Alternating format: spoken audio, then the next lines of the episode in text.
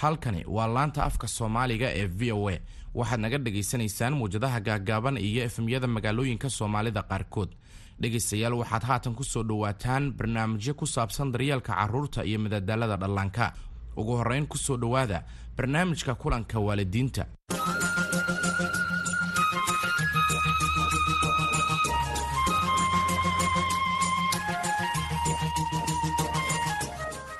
kulanti wacan oo wanaagsan. Waa mar kale iyo barnaamijkeena kulanka waalidiinta. Barnaamijkan dhegaysta waxaan kugu siinaa nasiixooyin iyo talooyin wax ku ool ah oo ku aadan waalidnimada ugu wanaagsan. Iyo sida aad u siini karto carruurtaada bilowga ugu wanaagsan ee nolosha. Guryooyin badan oo ka mid ah guryaha soomaalida ayaa isticmaalka jaadka iyo darogooyin kale inta badan lagu arkaa. Carruurta lagu soo barbaariyey guryahaasi oo kale ayaa sanadooyin badan la kulmaa saameyn maskaxadeed mid jireed iyo dareeneed intaba.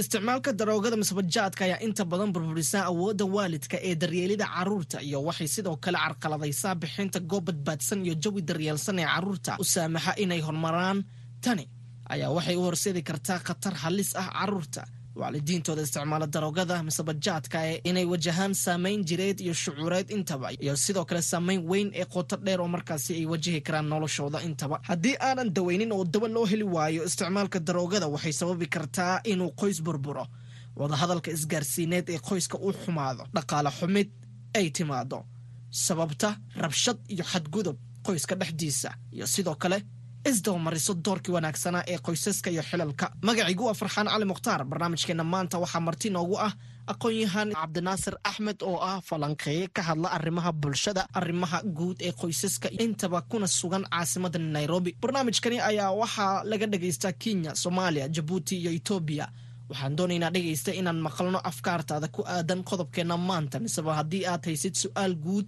ee aad doonaysid inaan kaga jawaabno barnaamijyadeenna xiga. Fadlan nagala soo xiriir barteenna facebook ee kulanka waalidiinta. Miseba fariin noogu reeb whatsappka. Lambarka iyagana waa balas labo shan afar toddoba saddex labo eber saddex labo toddoba saddex sagaal. Waan kaga fadhinaa afkaartaada dhegayste carruurtaada u diyaari inay dhegaystaan barnaamijka siseme sheeko sheeko oo ah hadda inoo xiga barnaamijkani. Maanta waxaa ka mid ah waxyaabaha ay ku maqli doonaan barnaamijka siseme sheeko sheeko. Anigana hadduu dharka aalay hadduu iga jeexma anaa taalanaya hadduu buugaygana iga jeexmana. Koolaan ku dhejinaya mise waa talanaya? Inta aanan u gudagelin barnaamijkeena maanta oo aan martida fursad siinin. Aan wada dhegaysanno aragtida waalidiinta geeska afrika oo aan wax ka weydiinay sida ay u arkaan waalidiinta leh carruur yaryar ee isticmaala daroogada. Sida tan ayayna uga falceliyeen. Dhibaato weyn baa meesha ka jirta. Waxay dhacday maalin maalimaha ka mid ah ninba show waqayil buu ahaa. Afar iyo labaatan sac wuu qayili jiray marka siduu u qayili jiray subax subaxyaha ka mid ah ayaa qaadka la waayey. Marka subaxa qaadka la waayey ayaa saaxiibkaa soo toosay wuxuun arkay xaafadii carruur buuxaan. Show saaxiibkaa isagoo islaanta wuxuun u tegi jiray asagoo marqaansan islaanta waa iska dhali jirtay oon ilmihiisata kama warhayo markaas subaxyaha soo booda wuxuu yidhi wareec ilmaha yaa dhale soo ilmaha inaga maaha waay ilmaha inagaa dhalna waay ilmaha kuwa inaga waay. Wah anu ilmaha jiiraankan u malaynaya maya waa ilmaha inagiya marka moogta dadkan qaadka cuno iskama warhayaan wax alla waxay samaynhayaan inta badan marka waxaan leeyahay walaalaha qaadka cuno balwadda ha iska daayaan ilmahoodana yaysan ha ka badbaadiyaan dhibaatada ay markaa ku jiraan. Horta balwadda horta dhibkeeday leedahay.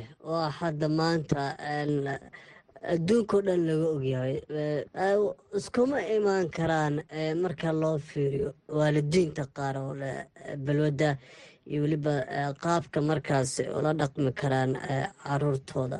Dabcan waxaa aragta marar qaar waalidiin qaylinayo oo leeyihiin ama carruur markaas iska dayacan ilan aabihii ayaa markaasi si la rabay ama wixii la raba ka soo bixi waaye. Marka ana waxay la tahay in ay bataatanba ila ficneen in ay waalidiinta markaasi balooda leh inay roorkooda ka soo bixi karaan. Xitaa waxay horseedaan markaa fiirin in qoys burbur uu ka dhaco dadka markaasi balooda leh farxan. Runtii waa arrin jirta ayna wajahayaan carruurta waalidiintooda ku isticmaala guryaha daroogada. Martideenna maanta cabdinaasir axmed ayaa diyaar la ah falcelinta arrimaha ay halkani ka soo jeediyeen waalidiintaasi iyo sidoo kale su'aalaha aad qabto dhegaysta dabcan fursad aan kuu siiyo inaad ka falceliso aragtida dadweynaha aan soo waraysanay iyo arrintaasi sida ay ka war haddeen. Horta niyahow markaan dadkaas dhegaystay fakarkooda waa fakaraan aad iyo aad ula dhacay. Waxaan horta markii af soomaali ahaan lagu macneeyo waa bal wad bal iska wad. Waxaa weeye marka wax yar buu qofku ku bilaabahayaa wuu fiirinaya wuu tijaabinhayaa wuu la qabsanhayaa. Wax kale wuu ku sii deehayaa wuu ku sii fidhayaa wuu sii soconhayaa way la fogaanaysaa marka. Ujeeddada erayga waxaa weeye balwad waa balwad saasuu wuxuu ku noqday balwad. Guud ahaanna balwadu noocay doontaba ha ahaato. Ha ahaato tubaako inta la geliyo ha ahaato qaad la cuno khamre la cabo balaayiyo hoog xashiish la cabo walaa sigaar walaa midii kale maxay ahayd dhuqdhuqdhuq ay ka siinayeen tuubada lahayd. Waxoo dhan markii laysku daro waa waxaan aad iyo aad u wanaagsanayn waana wax liita oo nolosha bini'aadanka ku ah daciifnimo iyo maaragta hoosu dhig ku ah baaba'na u geysan kara qoysas badan iyo dad badan noloshooda keeni kara carruur lunto oo bilaa waalid noqota keeni kara dhaqaala daro waan la qabaa fikirkaas inay balwaddu ay tahay cudurka keli ah ee maanta bulshada soomaaliyeed ugu sarreeya kuna faafay ee ilaa tan iyo cidhib galay. Waa tahay siday u saamaysaa balwadda waalidiinta carruurta yaryari. Hadda ka hor waxaa jirtay mahmaha aan maqli jiray oo waxaa la yidhi maaragtay niguna wixii aabbaha dili ka yaab tusaalaan ku siinhayaa lacalla ninkii qaad buu qaatay carruur yaryar baa u joogtay gurigiisii buu fadhiistay sigaar buu inta dhigtay islaantii shaah bay u soo karisay. Carruurtiisii waa kuwan way ag farfadhiyaan isaguna wixii buu cunahayaa ilmihii waa ilmo yaryar maxaa diidahaya marka horta kowba ilmuhu waa ilmaha laftiisu inuu ilmo asxaabulmarqaana noqdo maxaa diidahaya waa kow. Haddii aabbahaa uu yahay mid maalin walba intuu kitaab soo qaato qur'aana akhriya oo markaa dugsiga ka imaata ku dhaha maxaa laguu soo dhigay kaale kuu mariya suuradda akhlaaqda iyo dhaqanka kuu sheega dee waxaad ahaanaysaa nin dhaqankii aabbihii raacay inaad noqoto waxba kuuma jirto. Laakiin haddii aabbahaa qaadu yaallay inta oo geedka uu tuuro intaad qaadato aad diirato oo hadduu doono afka kuu geliyo maxaa diidaya inaadna biri qayisho waa maxay saamaynta dhow iyo tan fog ay markaasi balwada waalidiinta ay ku leedahay carruurta? Balwadda dhow haddaan ka soo qaadno saamaynta ay ku leedahay waxaa weeye ninkii waxaa laga yaabaaba inuu u neerfoosta yahay oo ilmihii laayaba oo dilaba. Waa saamaynta dhow. Marka ilmihii waxay noqonayaan ilmo aabbahood iska hurdo. Dee inay ag seexdaan waxba ma diidayso iyaguna ayna waxba aadin. Waa kow waa saamaynta dhow. Saamaynta fogna waynu garan karnaayo markuu heer gaadho xilligii maaragta intuu isxilqaamo uu nin weyn noqon lahaa. Waxaa laga yaabaa markuu siddeed iyo toban gaadho ilaa labaatanba inuu isla balwadii aabbihii lagu yaqaanay bilaabo. Inta badan waalidiinta soomaaliyeed siiba aabbayaasha khaadka iyo tubaakada ayaa inta badan ay geliyaan dhaqaalahooda. Taasina waxay sababi kartaa rabshad yara ku timaada dhanka dhaqaalaha ee qoyska. Maxaa la samayn karaa ee markaasin la gudboon si loo soo afjaro balwadda iyo isticmaalka daroogada. Waa su'aal aad iyo aad u wanaagsan waxaa xaqiiqa ah. Waxaad arkaysaa nin laga yaabo dakhliga soo galaba inuu yahay laba boqol uu xamaashay oo haddana labadii boqol baqaad ku cunhaya laga yaaba carruurtiisii inay baahan yihiin islaantiisii. Waxaad arkaysaa nin aan waxbaba haynin oo laga yaabo in qolo qaraabo ay boqol dollar siiso biil ah. Farxaanow horta wax ugu weyn ee inala degay waa bahalka qaadka la dhaho. Laakiin haddana taladii iyo fahamkii sidii waxaan lagu dayn lahaa ama lagu yarayn lahaa yaad mooddaa inay maqan tahay. Saddex qodob ayaa muhiim ah. Midka u horreeya horta waxaa weeye dadka balwadda u fadhiya ee ku mashquulay ee aan camalka haynin in loo helo camal iyo shaqooyin oo bal ay kaga mashquulaan ugu yaraan maalin badhkeed waa qodobka labaade waa in wacyigelin xoog badan la sameeyo. Ma ahan in dadku waxa ay ku dhex jiraan lagu caayahay. Dadku dee waxay ku dhex jiraan haddaad ku caydo. Iyaguna dee way ku caayi taas iyadaa xal ma keenayso. Laakiin waxaa loo baahan yahay dadku inay fahmaan waxaanu inay wax xun tahay. Inta sane uu ku soo dhex jiray wax uu ka faa'iiday inay jirin. Waa qodobka saddexaade. Hadda badanaa innaga inooma baxo bahalkan. Dhulka soomaalida kama baxo. Laakiin meeshay doonta ha noqotee soomaaliya o dhan safar baa loogu geeyaa. Dowladaha deegaanadu bahalka canshuurta ha ku kordhiyaan horta. Kow markii isaga canshuurta lagu kordhiyo waxaa macquul ah inuu isagii qaaliyoobo. Ninkii labada boqol la ordahayey ee carruurtiisa baahan siisanaya qaadka. Hadday labadii boqol waxba u gooyin weydo waxunbuu samayn lahaa sooma ilmihiisuu la aadi sooma saddexdaa arrimood yaan ku soo koobi lahaa. Dadka inta badan khaadka miseba jaadka uma arkaan in uu markaasi yahay darooga miseba balwad ay tahay. Qoysas badan oo soomaaliyeedna caqabad ayuu ku yahaa. Dabcan fadlan ma noo sharaxi kartaa sababta uu jaadka u yahay daroogada oona uu u saameeyo dadka siiba waalidiinta. Haa ninku markuu soo jabo oo wax badan ogaado unbuu wax badan wax ka sheegi karaa. Aniga lafteeda baalka aqoon baan u leeyahay. Horta boqol qof oo boqolkaasoo balwad laho qaad cuna haddaad boqolkaanin intaad daraasad ku samaysa aad dhex marto. Su'aalaha haddaad weydiiso waxaa laga yaabaa boqolkaanin nin walba barnaamij gaara inuu kuu sheego. Oon mid mid raaca ayna jirin. Bahalkan waxaan daroogo loogu ereg badanaa soomaalidu kama qiimeeyaan. Waxaan markaad samayso maxaa ka imaan hayada dambe laakiin waxay fiiriyaan asal ahaanta shaygan. Haddii asal ahaanta geedkan la fiiriyo dee waa geed. Iyagu waxay ku soo koobaya warde geedkan waa asal. Waxay ku dhahayaan maxaa annaga ku samaynay ma qiimayn hayaan qoys burburka dhaqaalo burburka dhaqan xumada waxyaalaha uu keenahayo iyo maaragtay rafaadka cibaado xumada hurdada nololka dhicista dhibaatooyinka farada badan ee uu keenahayo ee gadaal ka imaanhayo dadku ma qiimaynhayaan geedka asaliyadiisa unbay qiimaynhayaan markay geedka asaliyadiisa qiimeeyaanna waxay dhahayaan dee geedkanu muxuu dhiba leeyahay? Maxay samayn karaan waalidiinta? Haddii ay arkaan in balwadda ay iyaga leeyihiin ay saamayn weyn ku hayso caruurtooda oo ay dhibaato ku hayso. Horta waxay samayn karaan. Waalidiinta laftooda isku mid ma aha waxaa la helayaa waalidiin balwad leh oo marka horeba ka ilaaliya ilmahooda inay balwad ku arkaan. Marka horeba gurigooda qaad kuma cunaan xitaa caruurtoodii ilmahoodu ma oga inay qaad cunaan haddii marka aad rabto ilmahaagu saamaynta balwadaada adiga dhibaatada kuga ah inuu dhibaatada iyada ka badbaada markaad doonayso horta kow ka qari yuusa arkin ilmahaagu waxa adigu aad isticmaalayso adiga gaar ha kuu ahaado hana tusin gurigaagana ha keeni waa qodob waa qodobka labaade ilmahaaga u sheeg waxa balwadda la dhaho haddaa ogo adiga kugumayna arag inayna fiicnayn ila adigu waad ogtaa wixii ku dhex jirtaa waa tahay haatanna dhankaas iyo dhegaystayaasha fikradahooda iyo su'aalahooga ee ku aadan qodobkeena maanta. Dhegaystahani dalkaasi kenya waxa uu leeyahay magaciisu ma uusan sheegin waxa uu leeyahay xiriirka caruurtayda iyo xaaskayga aan la lahaa ayaa si weyn isku bedelay kadib markii aan iska istaajiyey oo ka joogsaday isticmaalkii ee balwada ahayd ee jaadka hadda waxaan leeyahay oo aan yeeshay wakhti fiican oo aan markaasi kula qaato guriga caruurtayda iyo xaaskayga. Dhegeysta markaasi waxa uu leeyahay taasi marka malas dhihi karaa waxay tahay mid ku dayasho mudan ee ay ku dayani karaan waalidiinta balwada leh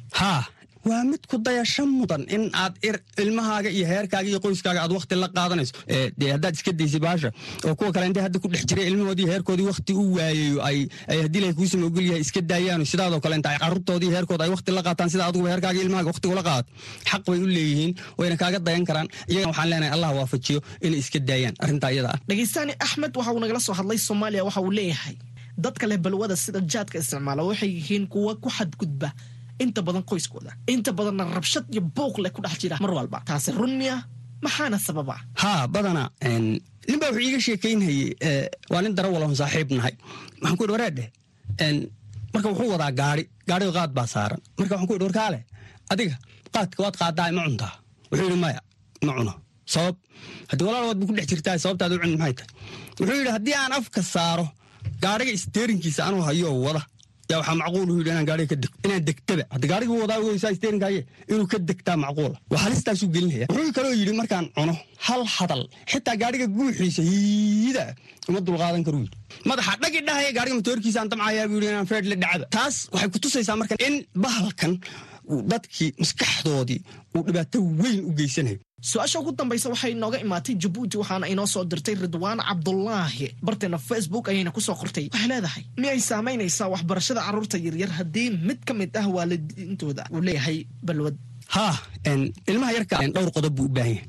Wuxuu u baahan yahay wax fiicanoo uu ku daydo horta kow inuu arko. Waa laba wuxuu u baahan yahay qoys degan oo maskaxdiisu fadhido oo ilmaha waaniya tarabiyeeya ababiya barbaariya soo koriya. Ayaa loo baahan yahay inuu ka dhasho ilmuhu haddii qoyskii qoys balwadeed uu noqdo oo laga yaaba islaantii odaygii inay isdilahayaan isfeerhayaan isku buuqahayaan dagaal ka dhexeeyo odaygii haddii la kuusama ogolya uu marqaansan yahay horyaa carhad la leeyahy ilmihiina uu u baahan yahay in iskuulkiisii la ogaado in dugsi qur'aankiisii la ogaado in caanihiisii la ogaado in korintiisii la ogaado in tarbiyadiisii la ogaado in akhlaaqdiisii la ogaado. Waxaasoo dhan buu ilmihii u baahan yahay. Haddii marka qoyskii qoys balwadeed uu noqdo dadkii isaga waalidiinta u ahay ay dad balwadula degtay noqdaan ayna arrintaa iyada dad ka hurda noqdaan haa saamayn weyn buu ku yeelanhayaa. Ilmaha ilmahaasna waxaa laga yaabaa kuwa iyagoo toddobiyo toban jiradii siddeed toban jirada bilaaba inay balwadda cunaan inuu ku biiro. Ayay aad iyo aad ugu badan tahay. Intaanan hawada ka bixin waa tan eedo ebyan iyo xikmadeeda maanta. Mahmaah soomaaliyeed ayaa tidhaahdaa waxa aad barataaba waa baaska. Taasi waxay ka dhigan tahay haddii uu qofku barto dabeecad xun sida isticmaalka maandooriyaha ay sababayso in ay dhibaatooyin kala kulmaan nolosha iyo dadka kale ee ku dhowba isticmaalka daroogada waxaa sababa burburka qoysaska fara badan halkaas oo carruur badan ku waayaan daryeel wanaagsan. Marka ay soo barbaarayaan waxaana muhiim ah in ay waalidiintu ka ilaaliyaan qoyskooda burburka wax waliba oo ay tahay sababta burburin karta iyo dhibaataba. Intaanan barnaamijkani midka xiga ku kulmayna waxaan idin leenahay. Macsalaam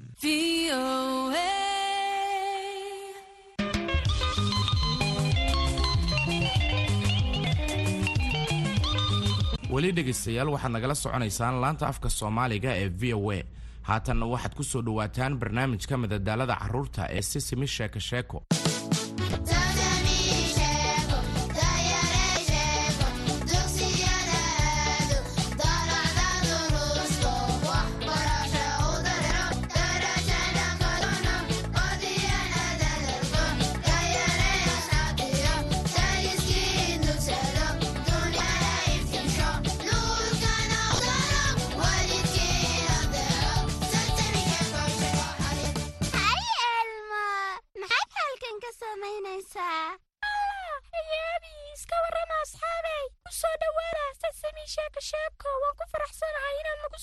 soo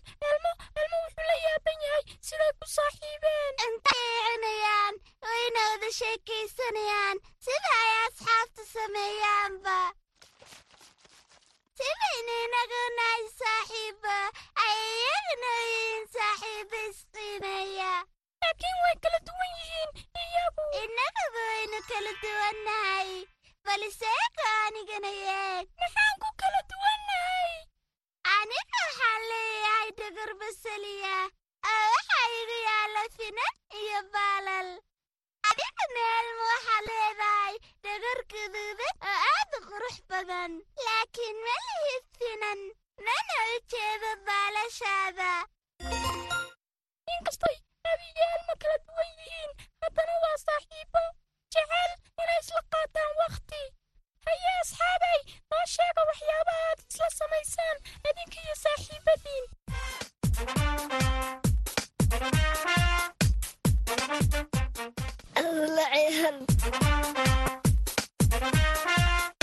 sheeko ciyaal iyo sheeko xariir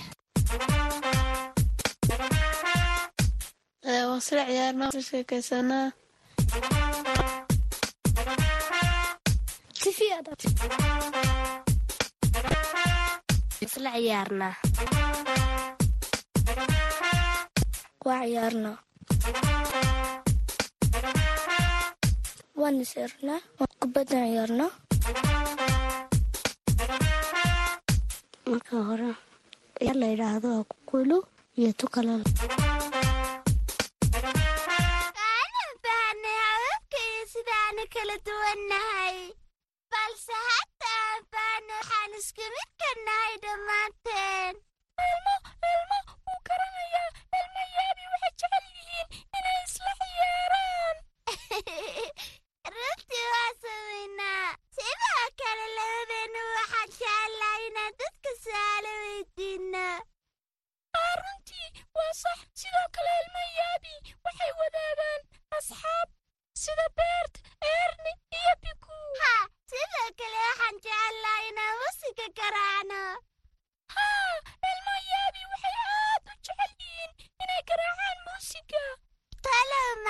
kaloon jecel lahay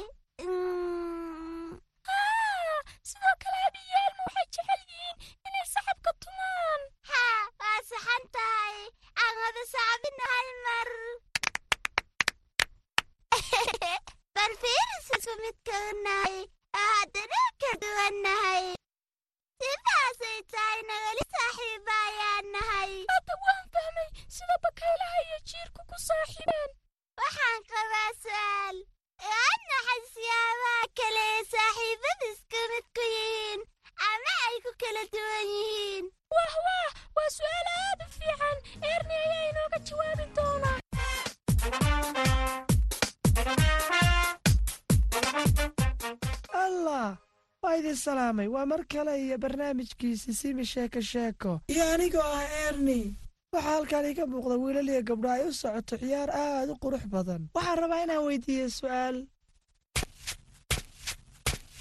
Waan idin salaamay. Waxaan ahay erni oo ka socda sasami sheeko sheeko. Waxaan ahay nasiib.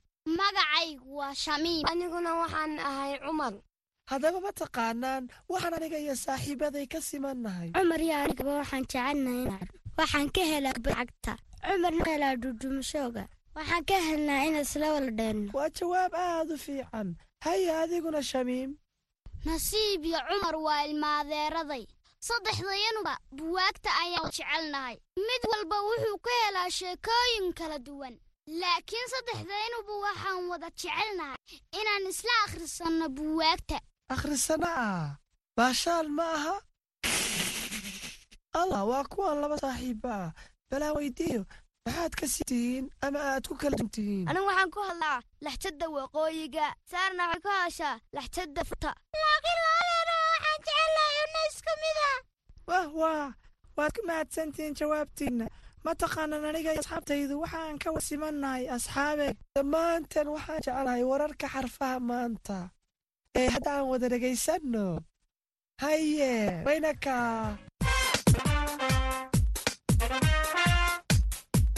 Ay, salaami asxaabta sharafta leh waxaan ahay abi ka soo dhowaada wararka xarfaha ee barnaamijkeenna sisimi sheeko sheeko asxaabta xarafka maanta ra. Waxaana ra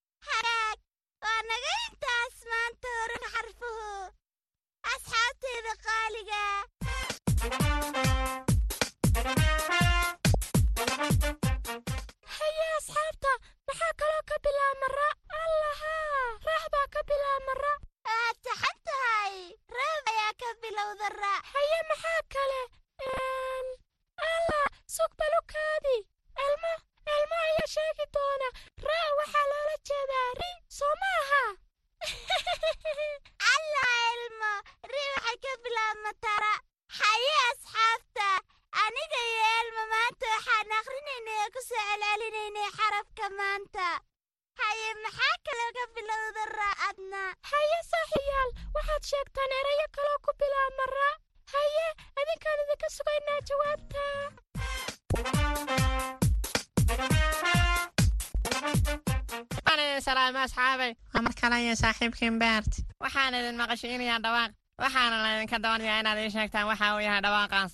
Ana sow diyaar ma tahay inaad ila dheesho ciyaartan? Haa beert waa ciyaar la yaab leh ee aan bilowno. Haddaba aan bilowna dhawaaqan. Allah codkaa miyaan garan waaye? Waa racaysaa oo waan aqaanaa waayo awowga ayaa leh ari badan. Waxay u egtaa inaad ku dheerayso dhawaaqa xoolaha. Bal ka waran midkan hagaag waxay ila tahay waa saciyaya waa sax waad ku fiican tahay ciyaartan. Waxaan kuu hayaa mid kale bal isku day. Allah dhawaaqaasi runtii waa iga nixiyey. Balse waa guuxa ama dhawaqa boqorka dugaagga waana libaaxa. Laakiin waxaan kuu hayaa midkii aad ku banjari lahayd.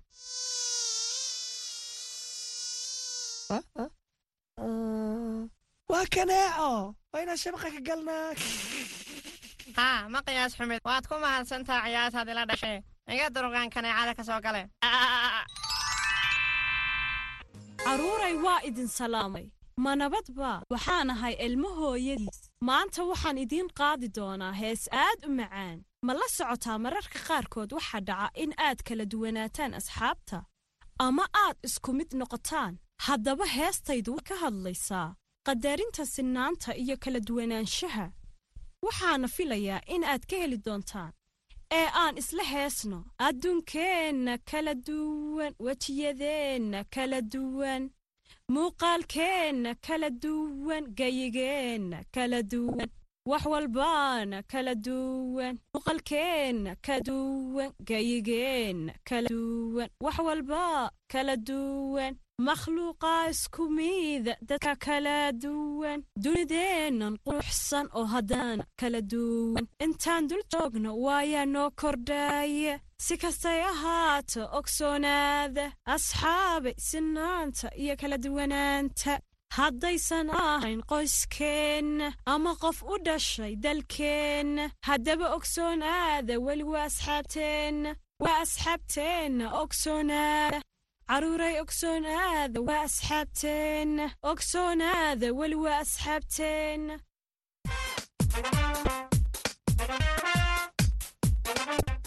hagaag haysaa saaxiibayaal waa habihii aan wax wada tirin jiray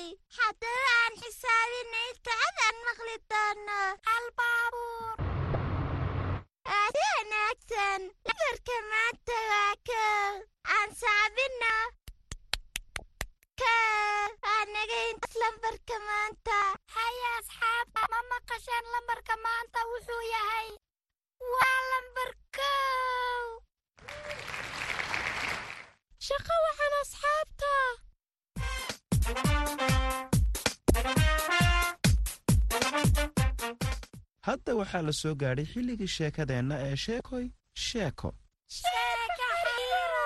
Diyaar ma u tihiin sheekada? Waayahay ayaa waxaa hal meel ku wada noolaa saddex dibi oo ahaa midabo kala duwan. Iyagoo si saacidi jiray garab isi siin jiray midba midka kale. Waxay kala hayeen midabada madowga casaanka iyo midab cad. Sidoo kale waxaa deris la ahaa oo garab deganaa libaax oo waxaad og tihiin libaaxu inuu inta badan jecel yahay ugaarsiga haabe elma inta badan telefishinka wuxuu ka daawadaa libaax ugaadha xayawaan kale. Abdi libaaxuma wuxuu isku dayay inuu ugaarsado diba haabiko wuxuu rabay inuu ugaarsado dibiyada laakiin way ku adkaatay libaaxa. Maalin maalmaha ka mid a ayuu wuxuu u tegay debigii caddaa wuxuuna ku dhahay waa inaad ka gooda weligaa noolaataa balse debigii caddaa wuu ka diiday isagoo maanka u haya dhibaatada ka dhalan karta kalinimada. Kadib libaaxii wuxuu mar labaad u tegay debigii madooba kadibna waxa uu ku yidhi ma aragtid miyaa inaad leedahay? Midab ka duwan midabka saaxiibada waxaana kuu qurux badan inaad keligaa daaq halka debigii madooba uu si dhaqsala u fakeray ugana jawaabay libaaxii waxaannu leenahay midabo kala duwan balse waxaannu nahay saaxiib. Kuwaas oo mar walba wada jira islana daaqa. Ugu dambayntii libaaxii isagoo og odansan ayaa wuxuu u tegay debigii casaa wuxuuna ku yidhi waxaan doonayaa in aan kula saaxiibo ee ma tagnaa meel kale si aan ugu noolaanno debigii casaa ayuu wuxuu libaaxii ugu jawaabay waxa aan saaxiibaday la noolaa muddo aad u dheer. Mana doonayay in aan noolaado la'aantood. Runtii haa markii ay saddexdii dibi guriga ku soo laabteen habeenkii waxay isla wadaageen sheekadii libaaxa. Iyo wixii dhex maray mid kasta. Maalinkii xigay waxay dhammaantood u tageen libaaxa waxayna ku dhaheen waxaad tahay libaax annaguna waxaannu nahay. Waxaad jeceshaasiga annaguna waxaannu daaqa waxaad noqon kartaa dariskeenna. Laakiin annagu mar walba waannu sii wada deganaan doonnaa waan wada daaqi doonnaa wada harsan doonnaa isna caawin doonnaa. Xitaa haddii ay adiga dhibaato kula soo deristo waan ku caawin doonnaa